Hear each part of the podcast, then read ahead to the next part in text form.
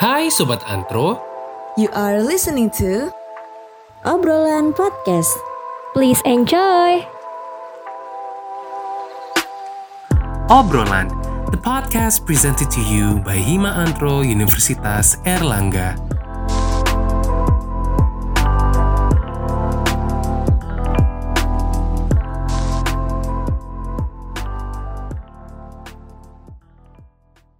Hai Sobat Antro, apa kabar semuanya? Welcome back to Obrolan, the podcast presented to you by Hima Antro Universitas Erlangga.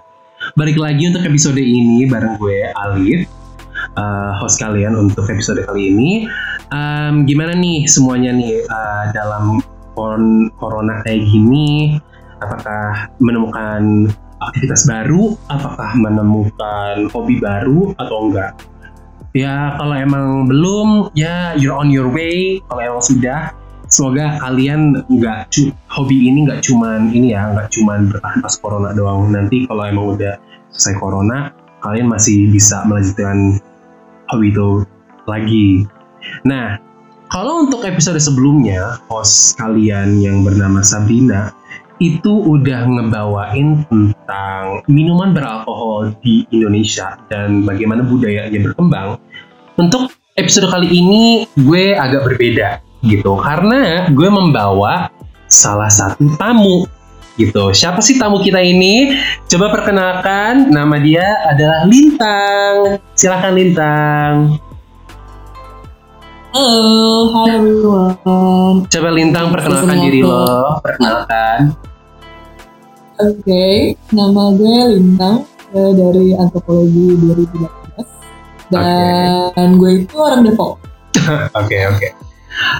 Jadi gini ya, eh, gue ketika gue bikin episode yang ingin membawa tamu, eh, gue tuh selalu pengen apa ya? Apalagi apalagi terutama ini kan salah satu mahasiswa antropreneur juga ya. Gue tuh selalu pengen membawa ini in a much more personal way. Jadi untuk itu gue pengen tanya dulu nih kepada lo. Coba dong lo jelasin kronologisnya bisa sampai masuk entrepreneur dan kira-kira kesannya pas maba dan sekarang kesannya pas udah pengen ngejalanin semester 6 ini tuh kayak gimana sih? Coba Tang. Jadi gue itu sebenarnya eh, common dengan orang-orang yang mungkin masuk antro. Awalnya masuk antro karena tergeser, karena ada jurusan lain yang di hati, cuman nggak sempat ke gapai dan pas masuk antropologi ya nggak jauh-jauh dari ya udahlah kita jalanin aja gitu. Mhm. Man, eh, sekarang sih dalam memasuki semester yang baru ini, I feel a lot. Eh, bangga juga ya udah bisa berhasil berhasil belajar di antropologi karena eh, pas maba kamu kita lebih tepatnya punya pemahaman tentang budaya yang sangat terbatas banget gitu loh. Kayak budaya nggak jauh dari eh, sabang sampai Merauke atau enggak mungkin tari-tarian adat. Cuman eh, semakin lama kamu ngejalanin kuliah di sini, semakin kamu akan mulai tahu betapa berartinya antropologi itu. So ya, yeah, itu that's just my two cents. Oke, thank you. Oke, anyways, um, untuk para sobat antro yang dengerin, Lintang ini adalah salah satu anggota sinematografi UNER, which is salah satu UKM yang cukup terkenal di UNER itu sendiri. Tapi gue pengen mau nanya, sekarang gue pengen nanya adalah apa yang membuat lo join sinematografi UNER? Jadi uh, gue dari SMA tuh kayak udah seneng banget nonton film. Dari SMP malah. Gue seneng banget nonton dan pas kuliah tuh gue udah uh, kepikir uh, selain untuk belajar gue juga pengen ya ngulik satu dan dua hal lah terkait my other interest dan salah satunya itu film.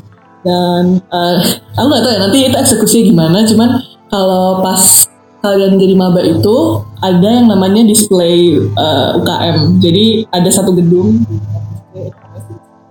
Dan itu udah wa- kewajiban kalau ngikutin ospek uner ya untuk masuk ke gedung itu dan menjelajahi UKM-UKM yang ada di sana gitu dan gue ya sebagai maba yang ikut ospek eh, udah tahu tentang sinematografi uner di situ dan gue kayak you know what? Maybe I should just join organization as well gitu.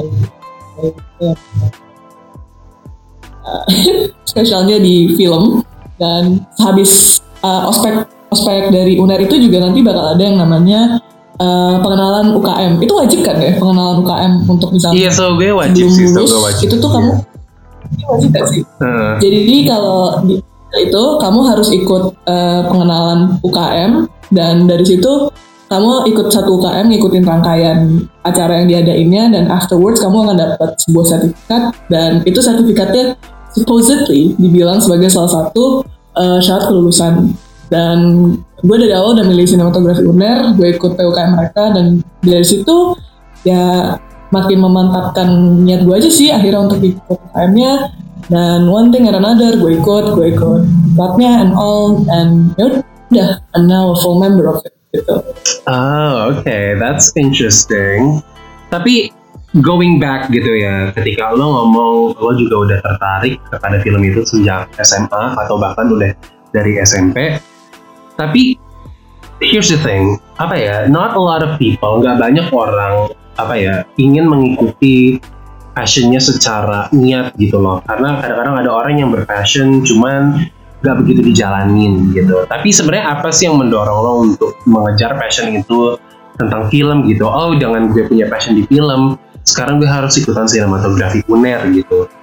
Dan sebenarnya tuh apa sih? What wakes you up gitu? Sebenarnya tuh apa sih yang kayak spark itu tuh pas SMP itu apa kayak what movie did you watch kayak atau atau atau atau ada suatu tokoh apakah yang yang tiba-tiba menarik ketertarikan lo kepada film pada umumnya? Can you explain? well kalau ninja dari SMP I think pertama kali yang my uh, my awakening or turning point itu adalah as easy as it sounds itu nonton uh, Pulp Fiction dari apa uh, Quentin Tarantino have you seen the film No, belum, belum. Sorry. Kayak itu kayak number one film bro list lah pokoknya ibaratnya. It's just such a top of the cinephilia list lah. Iya, Anyway, sinetron banget lah ya. pas SMP pas SMP nonton itu dan itu pertama kalinya aku uh, kayak mikir oh ternyata sebuah film tuh bisa ya menggunakan alur cerita yang seperti ini dan juga untuk membuat kamu merasa terhibur seperti ini gitu loh. Karena Pulp Fiction sendiri kan uh, not to be getting too much about the story ya, cuman uh, itu, itu filmnya bercerita tentang babak-babak yang berbeda di mana pada akhirnya it all comes full circle. Cuman Mhm. cara dia menyampaikan per cerita dan bagaimana cerita tersebut akhirnya menjadi satu lingkaran yang complete itu buat aku untuk lintang berumur 13 tahun itu fascinating banget dan after Pulp Fiction I just kind of never stop watching sampai SMA dan sebenarnya pas eh, eh, apa namanya pas sekolah ya pas SMP SMA tuh I only saw film as a source of entertainment sebagai sebuah pelarian aja lah ibaratnya karena Mhm. uh, uh, there's so much about the genres and the uh, uh, types of movies that you can delve in gitu.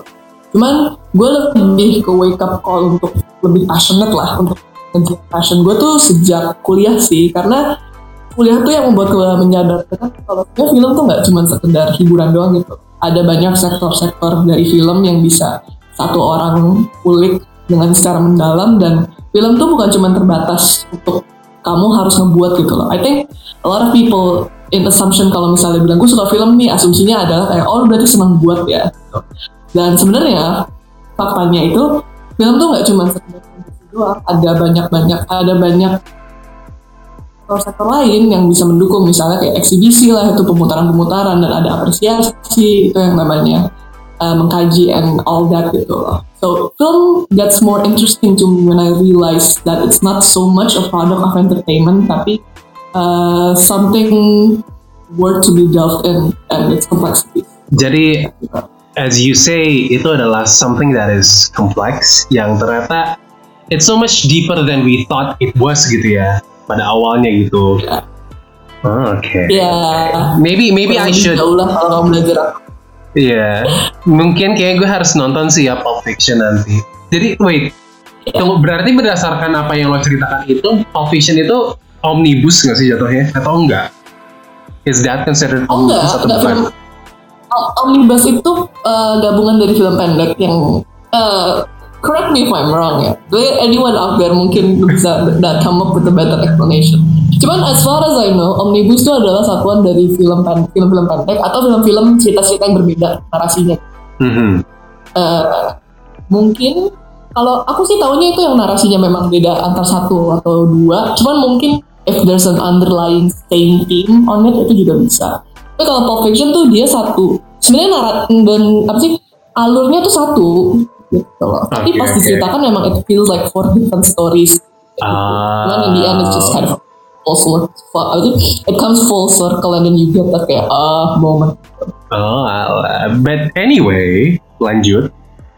Sekarang lo emang lagi nonton apa sih? Kayak what region of cinema yang benar-benar kayak lagi menarik perhatian lo gitu? Karena kayak you know kayak there's French films, ada film British, ada American specifically, Western kayak um, cowboys, terus juga ada Italy, terus kayak terus terus juga ada beda-beda masa gitu kayak beda-beda waktu kayak 60s, 50s, 2000s. Sekarang nih lo lagi oh gue lagi mau gue lagi nonton ini, gue lagi memperdalami ini banget itu tuh apa?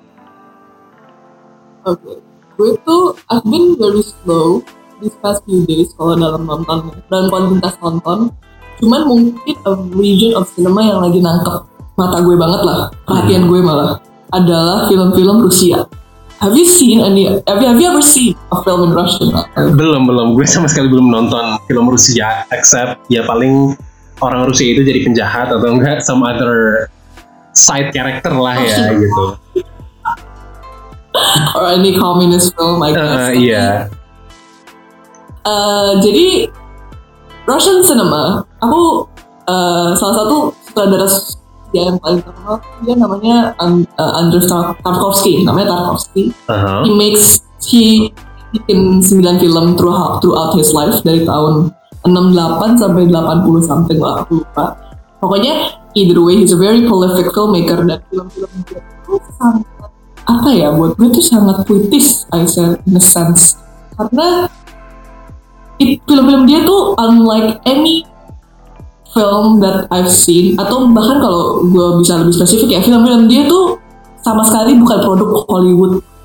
Film-film Oh. dia itu uh, even even even maksudnya kalau film Amerika yang artistik kan juga terlepas dari you know the Hollywood industry. Cuman for me uh, film-filmnya dari Tarkovsky itu melebihi dari the normal norm of film dari Hollywood Oh, very idealistic gitu loh. It's very high on ideas. It's very philosophical. Then his uses of long takes. Then it's I've never seen any Hollywood film like a Tarkov like a Tarkovsky film gitu loh.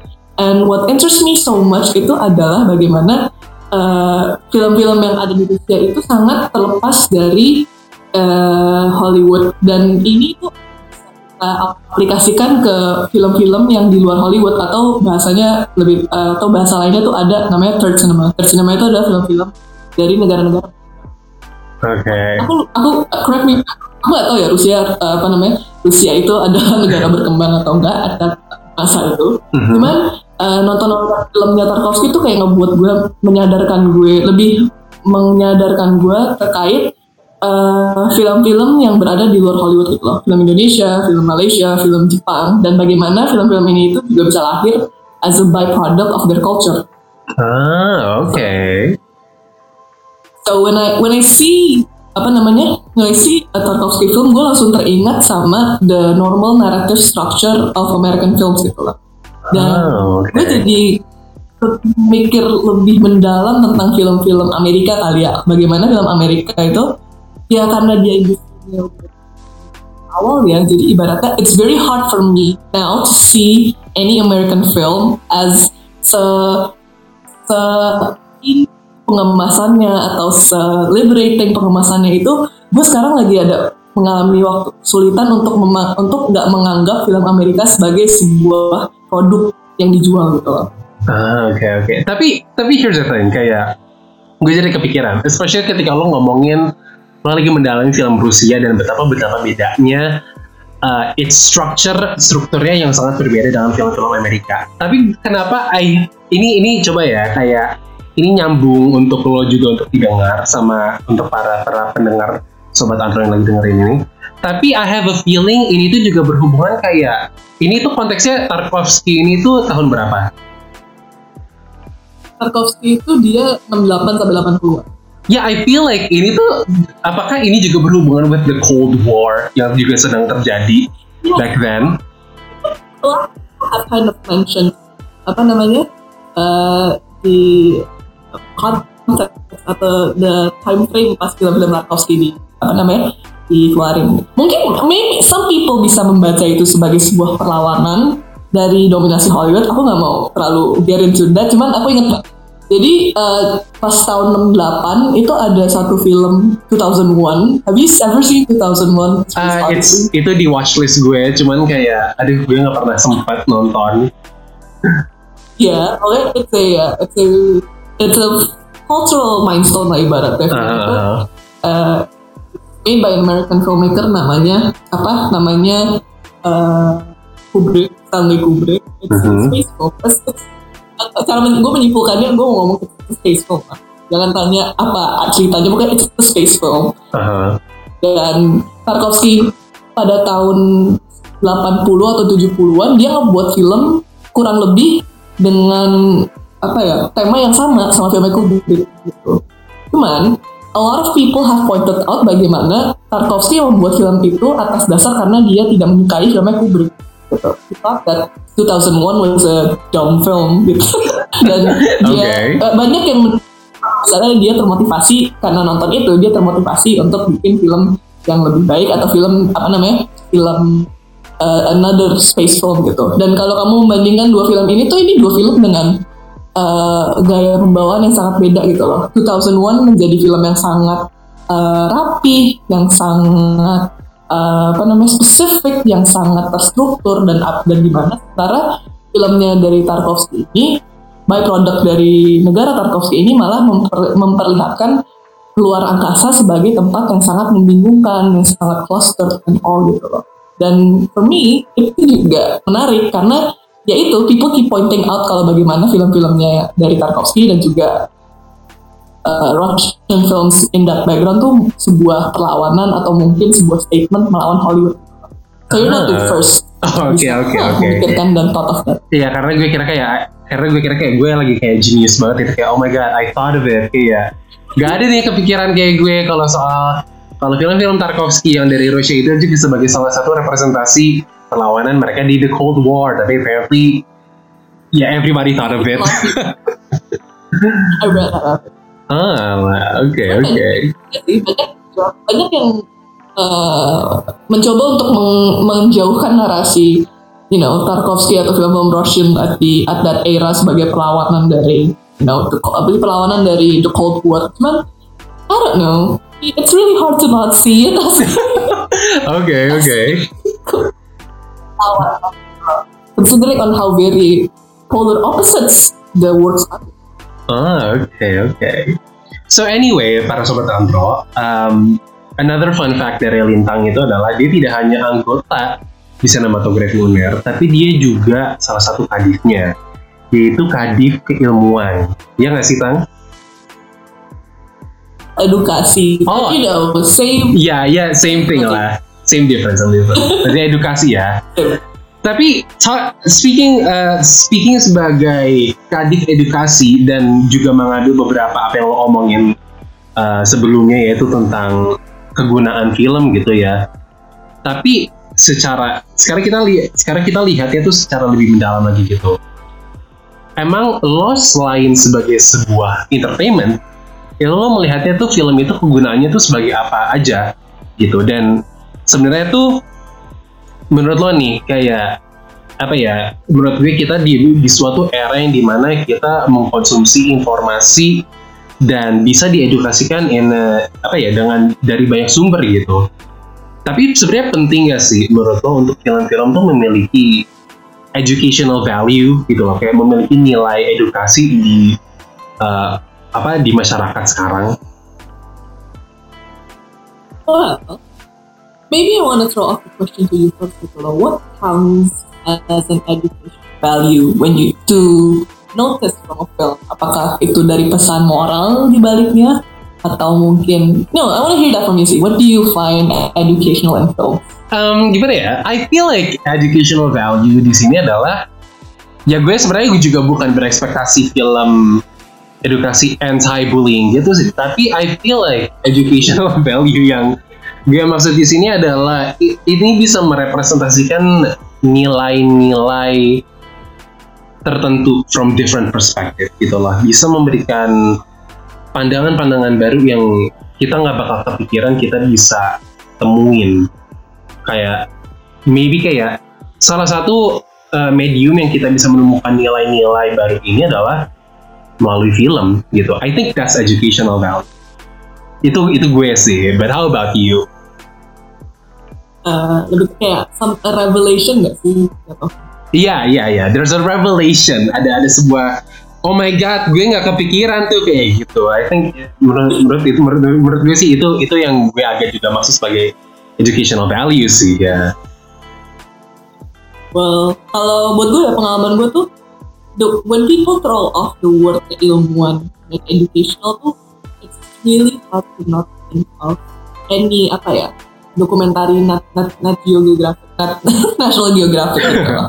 kayak the thing a lot of people only find educational value di, di balik film-film yang mungkin pembawaannya lebih serius atau mengajar gitu lah quote unquote ya cuman for me I think uh, kalau kita membicarakan education sebagai sebuah new elevation, elevation ya atau sebuah penyadaran tentang hal baru atau pengalaman baru yang kita nggak ketahui, gue rasa sih uh, susah uh, susah sih untuk bilang semua film tuh kayak harus kayak gini, semua film harus bisa menawarkan uh, relevation atau pengalaman yang baru gitu loh. Karena pada kenyataannya uh, tiap film tuh memiliki keunikannya sendiri gitu loh. Tiap film tuh memiliki poin yang disampaikan dari katanya dan tidak ada tujuan yang sepenuhnya salah buat gue gitu loh. Kayak for me in in terms of a film being educational, uh, gue melihatnya lebih kepada sebuah film tuh harus paling penting for me what considers as a good film bisa meninggalkan sebuah kesan pada penontonnya. Dan kesan pada penonton tuh bukan cuma sekedar yang oh aku bahagia nonton ini, oh aku sedih nonton ini, tapi lebih kepada uh, apakah film itu berhasil untuk membuat mendorong kamu on something in your life. Mungkin yang mendekati sama pengalaman film itu atau mungkin film itu berhasil menyadarkan sesuatu yang belum ketahui gitu loh atau bahkan kalau bisa sampai ke mengajarkan sesuatu yang seharusnya lo ketahui itu bahkan bisa lebih baik gitu loh. Tapi eh, I think kalau film yang tujuan paling mulia yang bisa dilakukan sebuah film adalah untuk menawarkan sesuatu yang mungkin belum kita bisa sadari Okay, okay, that's that's really nice. Okay. Um, wait. Nah, so anyway, uh, speaking tentang education dalam film ya, gue tuh sadar nih tang, kayak um, sekitar mulai tahun 2010-an gitu ya. Kita tuh menurut gue film-film yang berada di sekitar kita ini, especially dari um, sutradara-sutradara yang sekarang ada, film-film lokal itu tuh udah mulai ngomongin isu-isu yang malah terbilang tabu atau enggak sensitif gitu. Kayak kalau gue bisa menambah contoh 27 Steps of May, kayak kita nggak pernah tuh mengira bahwa ada penyintas kekerasan seksual itu tuh akan terpampang dengan jelas di layar kita gitu. Atau enggak ada kucumbu tubuh indahku yang memiliki um, uh, kategori yang memiliki kategori yang bisa dibilang uh, film LGBTQIA gitu. Tapi what do you think dari impact film-film ini sekarang ada gitu? Dan kira-kira masyarakat kita ini ha, ha, uh, akan menghasilkan apa sih dalam masyarakat kita ini? Gitu. uh, 10 belas berarti belasan 10 ya Iya, yeah, like 2010 sampai sekarang lah gitu. Uh, I think yang paling menarik ya dari buat gue ya untuk melihat film 27 dan Kucumbu bisa sukses. Ya kita, kita bisa bilang sukses. Film-film ini sukses di masyarakat umum adalah the fact kalau uh, penonton itu penonton Indonesia atau di general public tuh sebenarnya seneng dan pengen ngelihat karya-karya yang seperti ini lagi gitu loh. Kalau kita ngomongin soal film-film yang film-film Indonesia yang membawa topik mungkin rada sensitif tentang LGBT atau uh, yang tabu masyarakat sebenarnya dari tahun 2000 kita udah ngeliat banyak sih. Mungkin kayak uh, berbagi suami yang berbagi suaminya Nia Dinata terus apa namanya?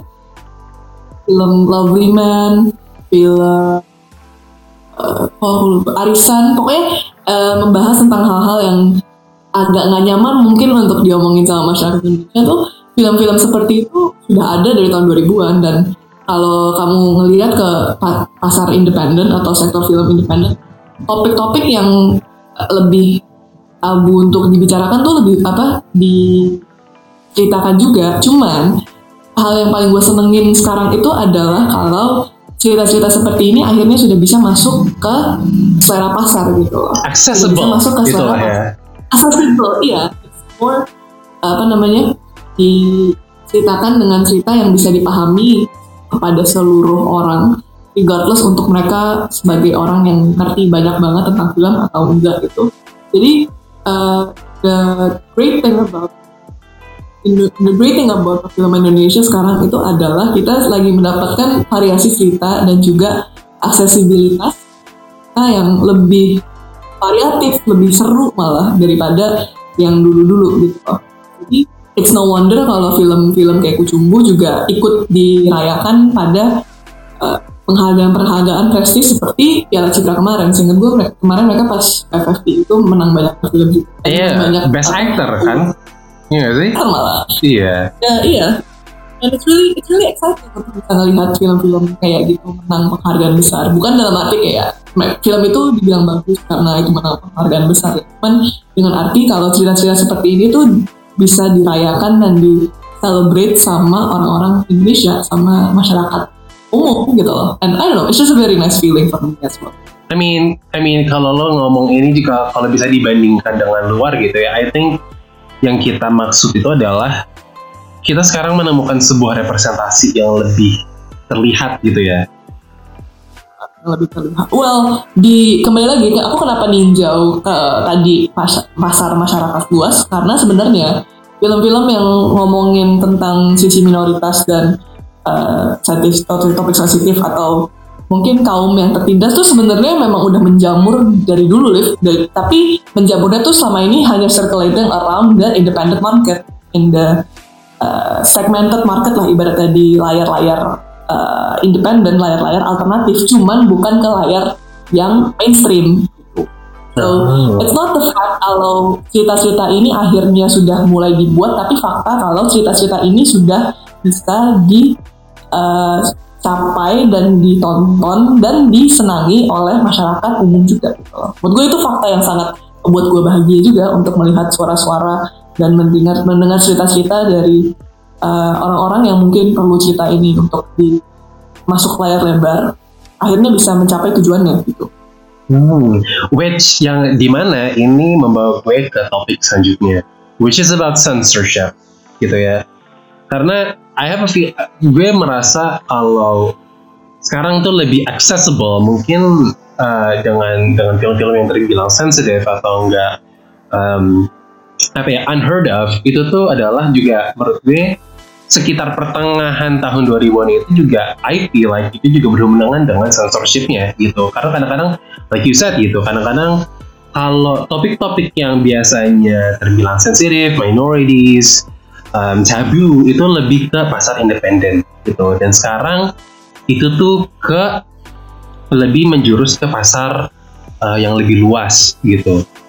Nah, tapi at the same time, kalau lo lihat, kalau lo perhatikan film-film ini, mau ini lokal atau internasional, um, ini ini masih ada keadaan terpotong atau tidak ditayangkan gitu. Even though padahal ratingnya itu ya, misalnya kalau di bioskop itu tuh dari dewasa atau 18 plus gitu. And dan ini tuh juga malah jatuhnya uh, tidak sesuai dengan nilai-nilai Indonesia gitu. As somebody would say gitu. Tapi how do you feel about that tentang censorship, tentang pemotongan, walaupun ratingnya juga udah dipertinggikan gitu. I mean, apakah nilai-nilai yang ada di film itu harus dipotong demi memenuhi sebuah standar dari apa dari istilahnya the uh, apa tingkatan-tingkatan atas yang malah apa merusak esensi dari filmnya itu sendiri gitu loh. Jadi kalau ngomongin censorship, kita itu akan ngomongin tentang LSF. LSF itu lembaga sensor film. They're basically the one in charge of deciding this gets into the karena kita ngomongin like ini ya censorship nanti ini I assume kamu maksudnya ke uh, masyarakat layar lebar lah bioskop yang Yes, yeah. bioskop gitu lah.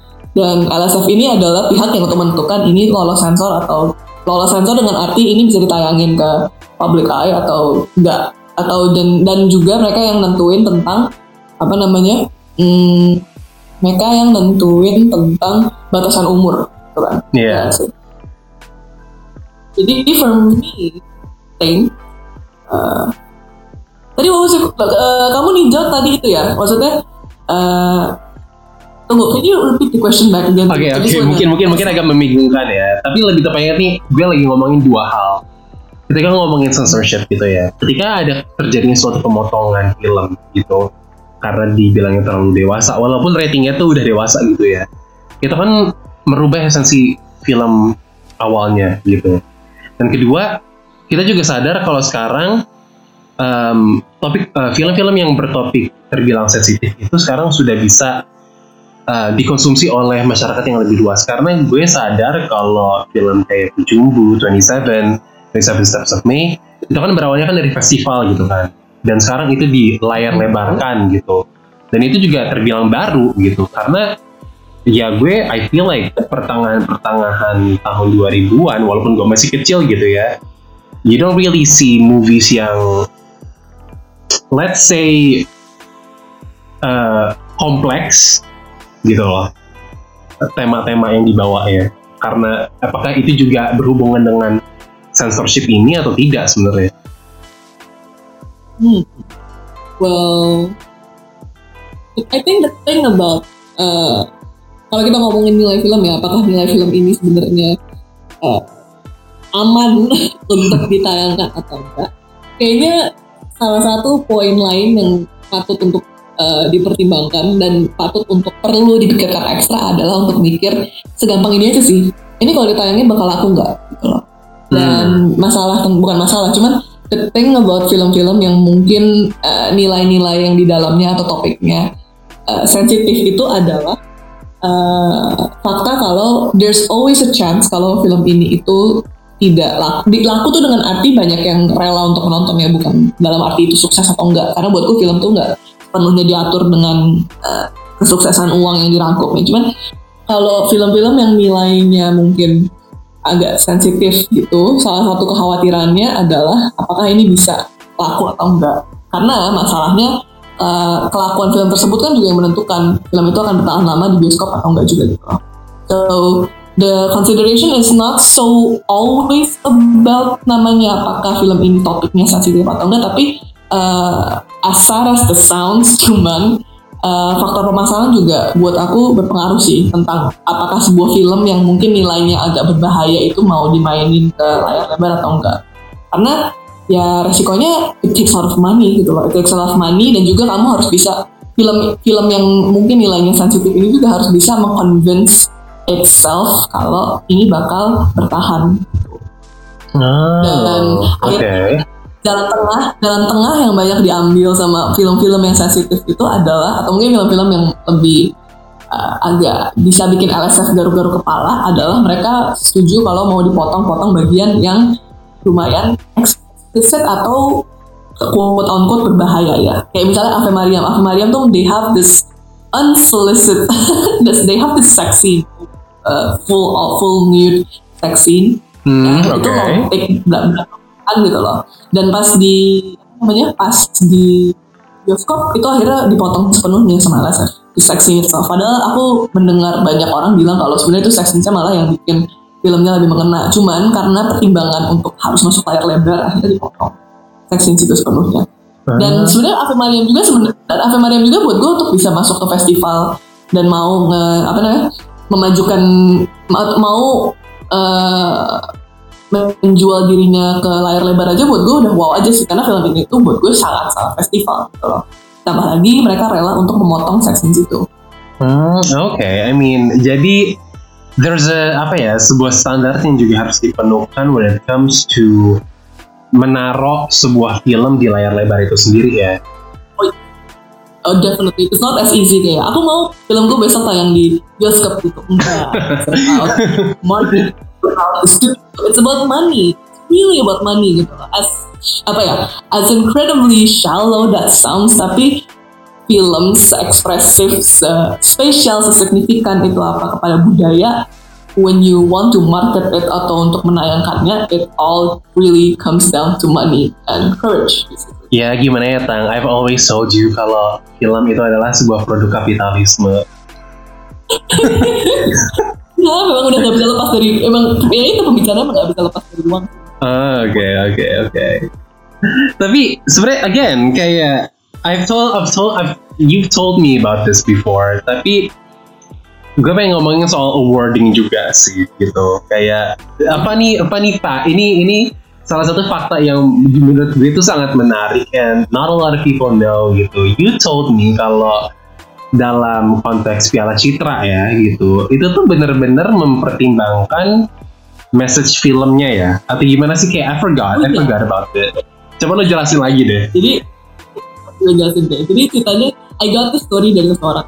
Jadi ya aku pernah ikut online kelas kritik film terus ada eh, orang eh, namanya Adrian Jonathan dia itu salah satu penulis website eh, kritik film guess. atau website lebih tepatnya web, website loka karya eh, film tulisan tentang film-film Indonesia namanya Cinema Poetica. Pokoknya dia itu bercerita, he heard this from another. Ini kayak gibahan film ekstra gitu.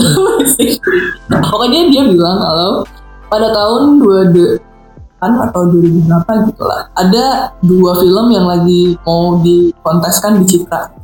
Ada film Lovely Man sama satu lagi film ah kita nih aku aja nggak ingat filmnya namanya apa. So we're just gonna call it film X. Ah, yang yang yang menang ini yang menang ini yang film X yang yang menang tapi kita aja nggak ingat Iya. gitu kita gak ingat gitu loh. Pokoknya eh, untuk yang belum pernah nonton dan you should really watch. Lovely Man itu menceritakan tentang seorang perempuan eh, perempuan muslimah yang pergi ke kota untuk mencari bapaknya only to find out kalau bapaknya itu sebenarnya sudah menjadi seorang waria Hmm. dan eh, one thing or another pokoknya film ini berakhir dengan pesan yang lumayan eh, peaceful lah.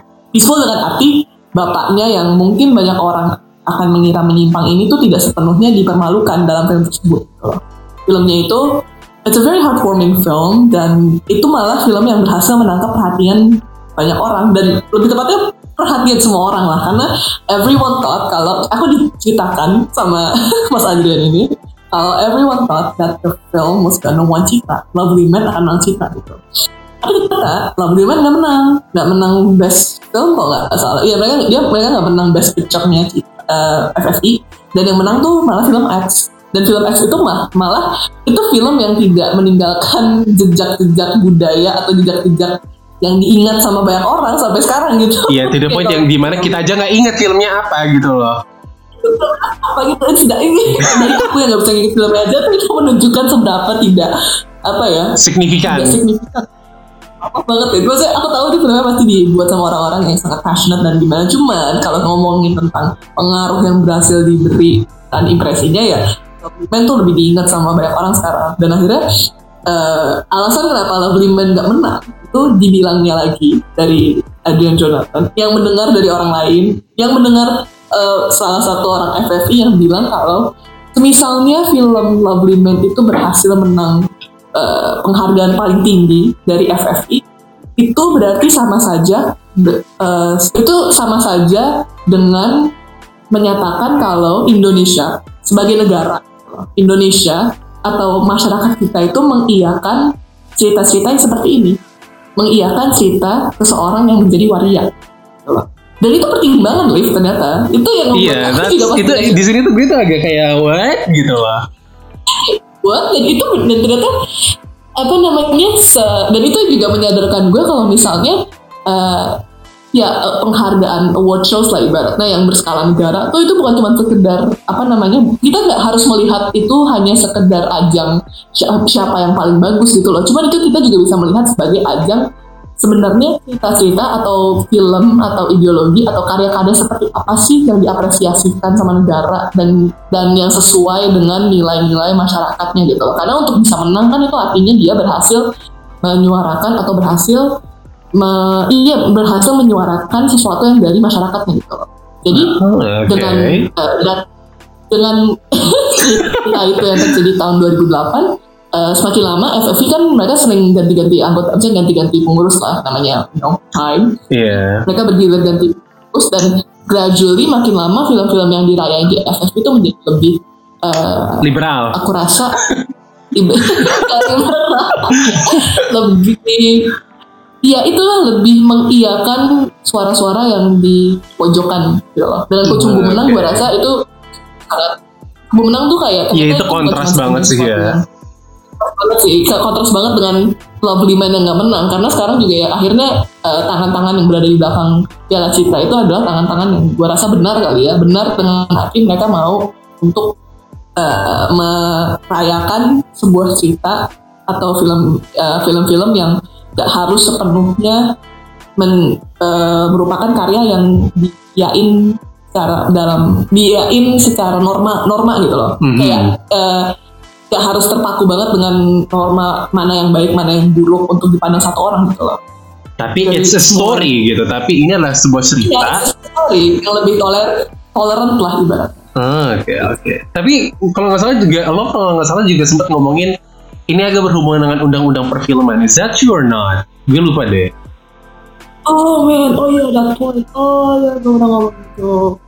Eh, oh iya, jadi, nah dari dari kelas itu juga aku belajar kalau misalnya filman itu ada undang-undang itu masih diatur lah ada ada undang-undang yang mengatur film itu harus kayak gimana gitu. Ada undang-undangnya aku lupa pasal berapa, cuman eh, di pasal itu diformulasikan kalau film Indonesia itu sebuah film akan dianggap sebagai film Indonesia atau film Indonesia itu dalam undang-undang dideskripsikan sebagai pada intinya sesuatu yang aman. Aman dengan arti sesuatu yang tidak akan menimbulkan keresahan pada masyarakatnya. Oh Keresahan yang, damn. keresahan yang dimaksud kurang lebih kalau di undang-undang itu sebenarnya undang-undang itu cuma menjelaskan film karya itu adalah film-film yang tidak mengandung sara dan bla bla bla gitu lah. Cuman kalau itu kita memikirkan pasal itu secara mendalam kayak negara Indonesia mempertimbangkan menurut mereka film yang layak itu adalah film yang tidak menimbulkan kericuhan gitu. film yang bisa eh, duduk secara nyaman di antara perbedaan-perbedaan masyarakat Indonesia tanpa membawa topik yang mungkin akan memisahkan antar satu sama dengan yang lain. Kayak it's as simple as that. Cuman kalau kita pikir-pikir, you know, Itu membatasi banget jatuhnya. ada membatasi. Cuman eh, aku belum pernah dengar. Mungkin ada ya. Aku gue yakin banget ada mungkin film yang pernah diserang dengan undang-undang pasal ini. Basically. Menurut- menarik sih kalau misalnya ini negara sebagai negara itu mereka memandang film Indonesia yang bagus adalah film yang tidak terlalu menimbulkan masalah. Terus film yang iya itu menarik banget sih. Wow. It- It's apa ya kayak dan ini masih ada perundang-undangannya.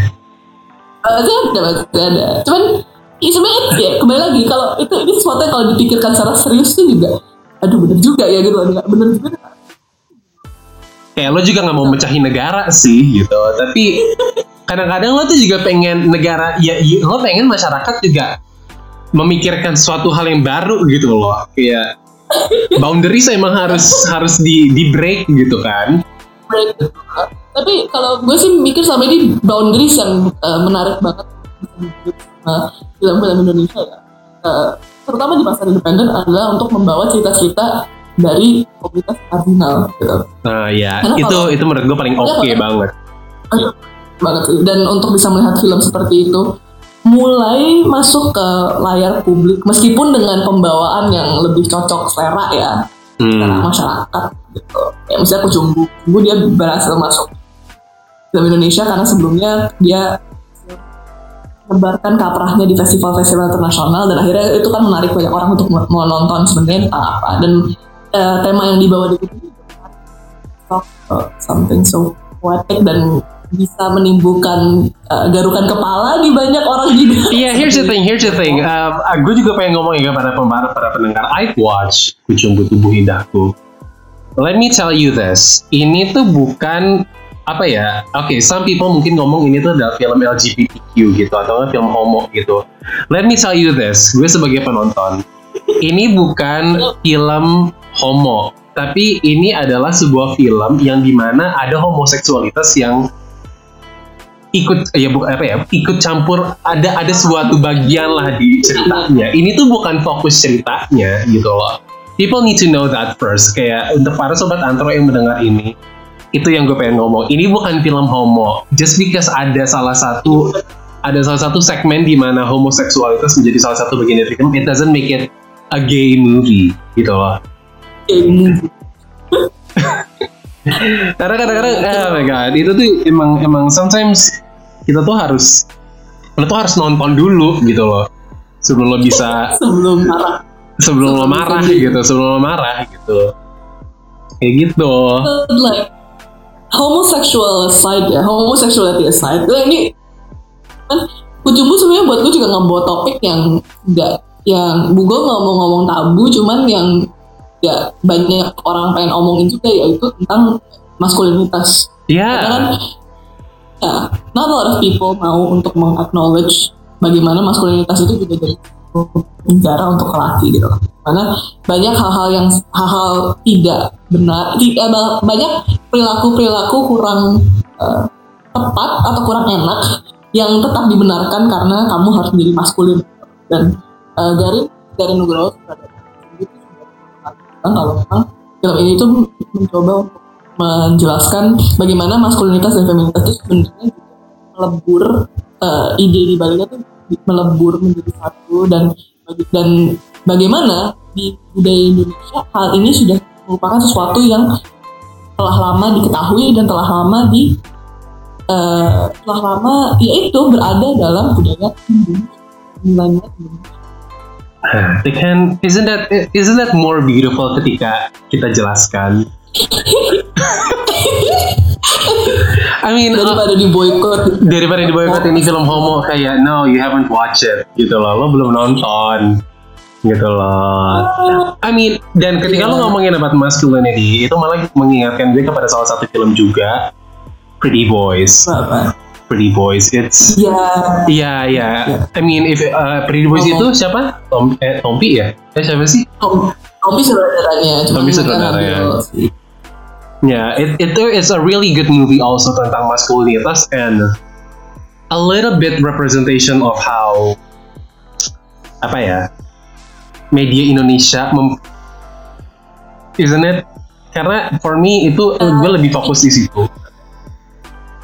ya, dia dia dia tuh cheek tentang eh, dia berusaha untuk dibilangnya menyindir soal yang hanya menggunakan eh, kalau gue sih nangkapnya lebih kepada cerita ini sih yang eh, perba- eh, bukan perbanjian sih cuman eh, perilaku perilaku banci yang digunakan sebagai token token tokenism eh, digunakan sebagai eksterior doang dalam TV apa namanya dalam TV Indonesia tanpa sepenuhnya mempertimbangkan sebenarnya eh, perilaku yang seperti itu yang seperti itu aslinya kayak gitu. Cuman eh, gue inget banget di Pretty Boys tuh kayak mereka sangat tidak terlalu meng acknowledge ya sebenarnya perilaku Baji itu yang asli bukan aslinya. Cuman eh, gue nggak tahu ya ini orang nangkap ini atau enggak cuman uh, a lot of people think that the apa the portrayal of perilaku Banji di Pretty Boys itu highly offensive. Highly offensive karena dengan arti itu cuma dipakai sebagai sebuah properti atau exterior tool doang gitu banyak yang sempat marah-marah karena itu kan gue baca juga tapi Iya. eh, pembacaan lebih jauh atau mungkin pembacaan lebih kalau kamu mikir ini 30 menit ya adalah fakta kalau bahwa dengan deng- ini eh, kalau gue mikirnya kayak dengan eh, perilaku banci yang tidak diluruskan lewat film itu aja dalam film itu aja itu makan mah- bah- makin mengiyakan fakta tentang bagaimana perilaku tersebut memang tidak dianggap sebagai sesuatu yang completely mendalam oleh TV Indonesia gitu loh. Iya, Kayak iya gue kayak- ngerti kayak mungkin mungkin Hmm. in, in put, put it in simple terms adalah ada there's this obsession untuk TV Indonesia menggunakan perilaku cowok feminin sebagai the butt of the joke, bener nggak sih? Sebagai bahan cak-cakannya gitu loh. Malah menurut gue itu intinya gitu loh. Ini tuh kita tuh the, the movie kalau gue gue nggak tahu ya Tompi mau ngomong apa soal film ini sebenarnya gimana. Tapi gue I feel like ini nih ini adalah sebuah sindiran besar bagaimana perilaku pria feminin dalam TV Indonesia, mostly reality TV itu menjadi sebuah bahan olokan utama gitu loh. Dan it's actually a very bad thing gitu. Karena lo lihat tokoh-tokohnya pun juga mempertimbangkan maskulinitas diri mereka untuk untuk karakter yang mereka bawa di depan kamera gitu loh. Kayak gitu. But again but again kayak Tompi kalau Mas Tompi mendengar film ini maaf banget kalau gue sotoy gue lupa itu yang nulis yang nulis yang nulis tuh Tompi atau apa ya? iya ya gue lupa pokoknya, pokoknya Tompi Tompi Tompi Tompi took part pokoknya Is the director. Uh, anyways, anyways, gue pengen gue pengen lanjut lagi.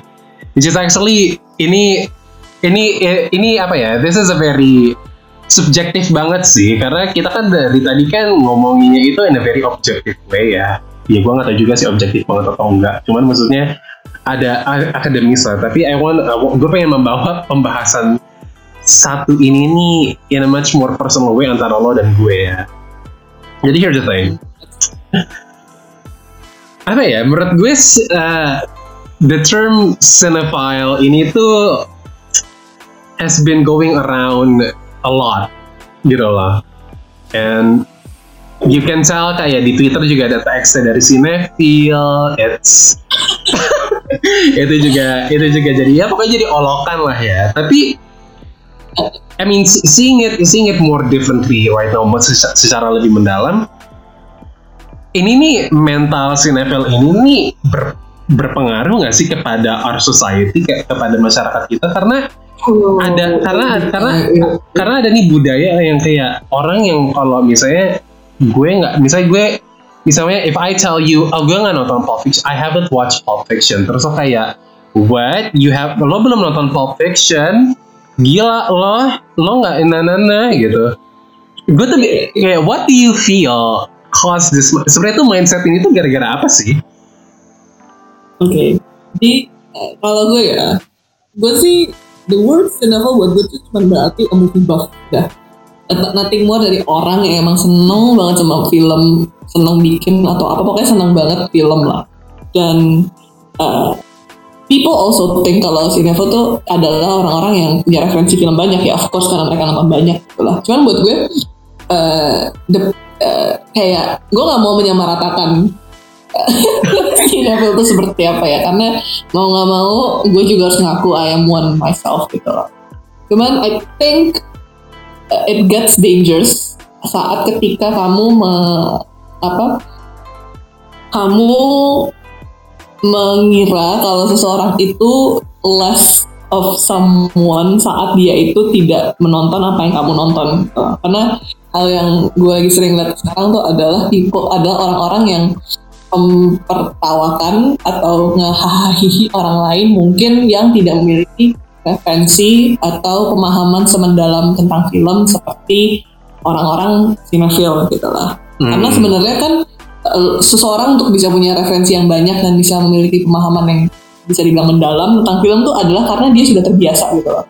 Udah terbiasa nonton, udah terbiasa mengarticulate what he feels about the film, terbiasa untuk apa namanya eh, menjabarkan opini dia dan mungkin menyadari kalau ada bentuk yang lebih tinggi dalam film-film yang biasa ada di masyarakat dan menurut gue ini bahayanya tuh bukan dalam fakta kalau kayak orang takut kepinteran tapi lebih kepada ketika orang itu nggak bisa tolerir saat ada orang lain yang tidak seperti mereka atau sebenarnya ada loh manusia lain yang tidak sepenuhnya mendedikasikan hidupnya untuk film. Kayak ya, kayak iya lintang, kayak ada orang yang nggak menghabiskan waktu untuk nonton film.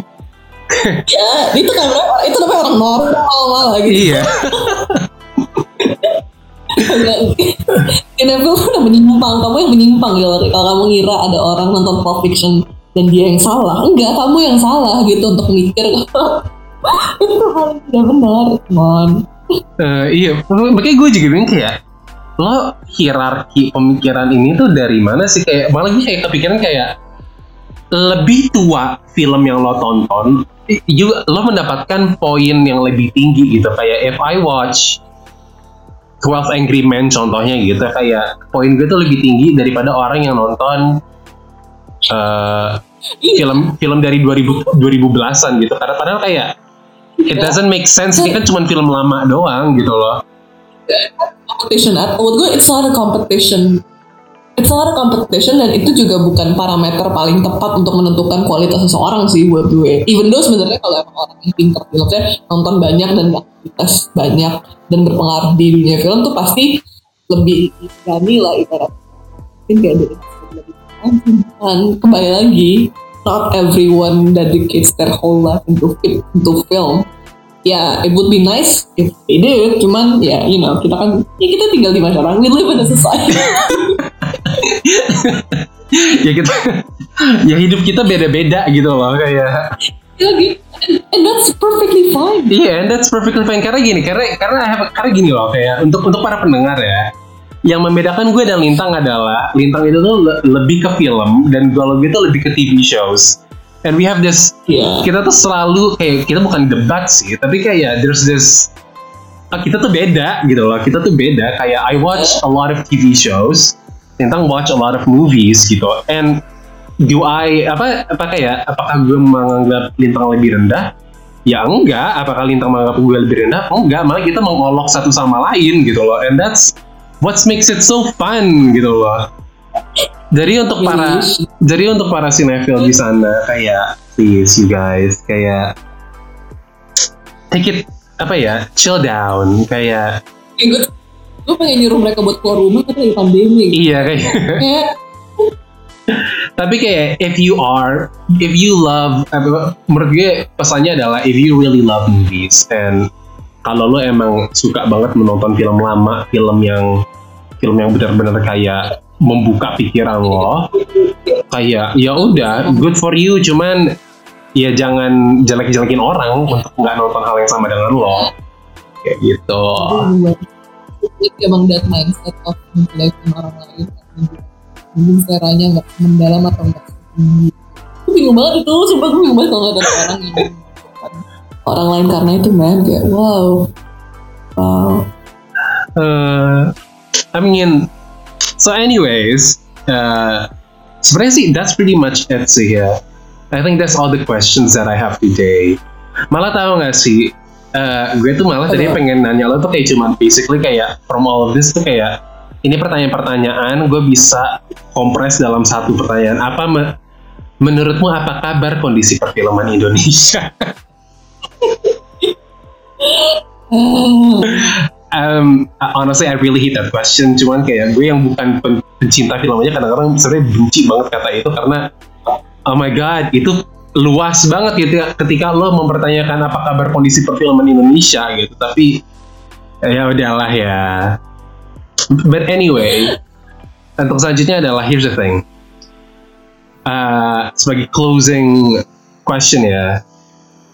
Lo punya nggak semacam uh, do you have any message apakah lo punya pesan dan um, saran kepada para calon-calon maba yang sekiranya ingin masuk universitas, pengen masuk UNER, pengen masuk antro dan kita sendiri para mahasiswa yang udah menjalani kuliah yang memang ternyata memiliki passion terhadap film atau hal lainnya what should we do Tang? what should we do Lintang?